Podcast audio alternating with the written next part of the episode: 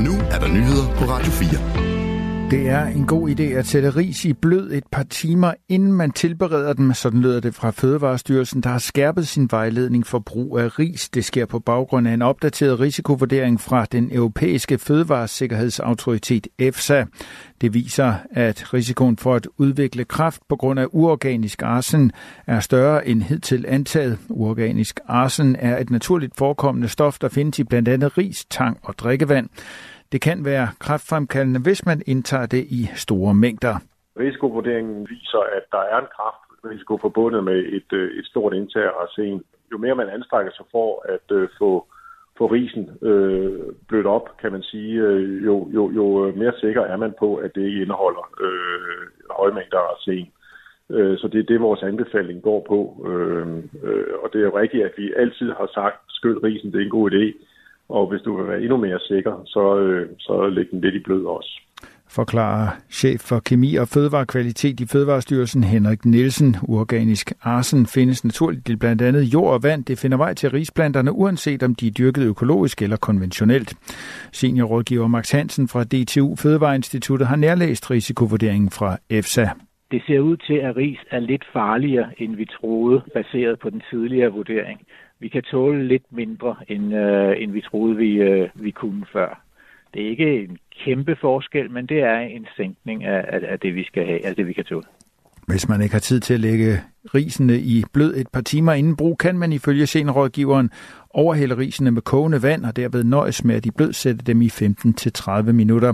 Alternativt kan man koge risene i ekstra vand og hælde det overskydende vand fra efter kogning.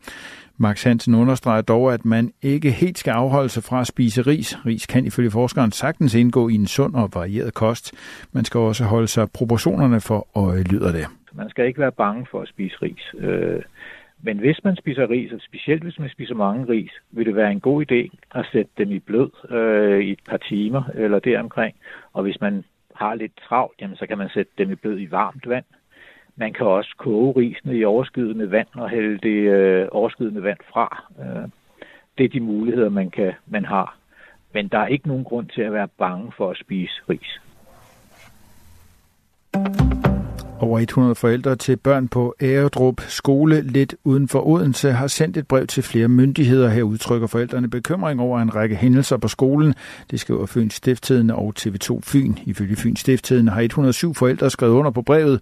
TV2 Fyn skriver, at der er tale om tre initiativtagere med underskrifter fra 113 forældre. Brevet er sendt til skolen til undervisningsminister Mathias Tesfaye og Odense Kommunes børne- og ungeforvaltning.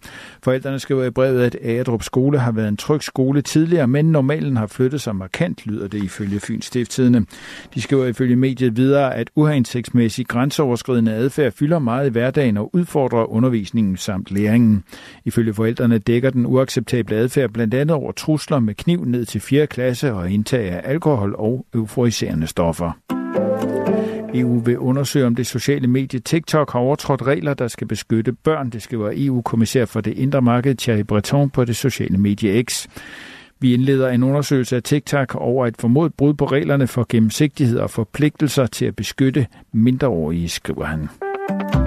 Rusland vandt en af sine hidtil største sejre i krigen mod Ukraine, efter at russiske styrker i weekenden fik kontrol over den velbefæstede østukrainske by Advikia. Det skete efter lange blodige slag, der førte til, at de ukrainske soldater var ved at løbe tør for ammunition og måtte trække sig tilbage. Men selvom det er en stor russisk sejr, er tilbagetrækningen ikke nødvendigvis en dårlig ting for Ukraine, siger Alexander Høsberg Teslav, der er major i hæren og militæranalytiker hos Center for Militærstudier ved Københavns Universitet. Ukrainerne har været i stand til at gøre det på en fornuftig måde, så de har givet terræn til russerne til gengæld for så i processen at påføre Rusland forholdsvis store tab. Og det kan være en fornuftig strategi, fordi, dels fordi Ukraine er et enormt stort land, så, så få kilometer betyder ikke det store i, i den lange krig. Det er et slag, der måske er tabt i krigen, men det er ikke nødvendigvis en dårlig ting for Ukraine. Fordi det, der hører med til fortællingen om slaget om Avdivka, er også Ruslands øh, uforholdsmæssige store tab i forsøget på at tage byen, som nu er en ruinhob, som jo ikke har noget infrastruktur, man kan bruge, men som, øh, men som er vigtig for russerne. I aften og nat mest skyde vejr med regn hister her stedvis tåge, men i Nordjylland måske perioder med klart vejr. Temperaturer ned mellem 2 og 5 grader. Det var nyhederne på Radio 4 med Thomas Sand.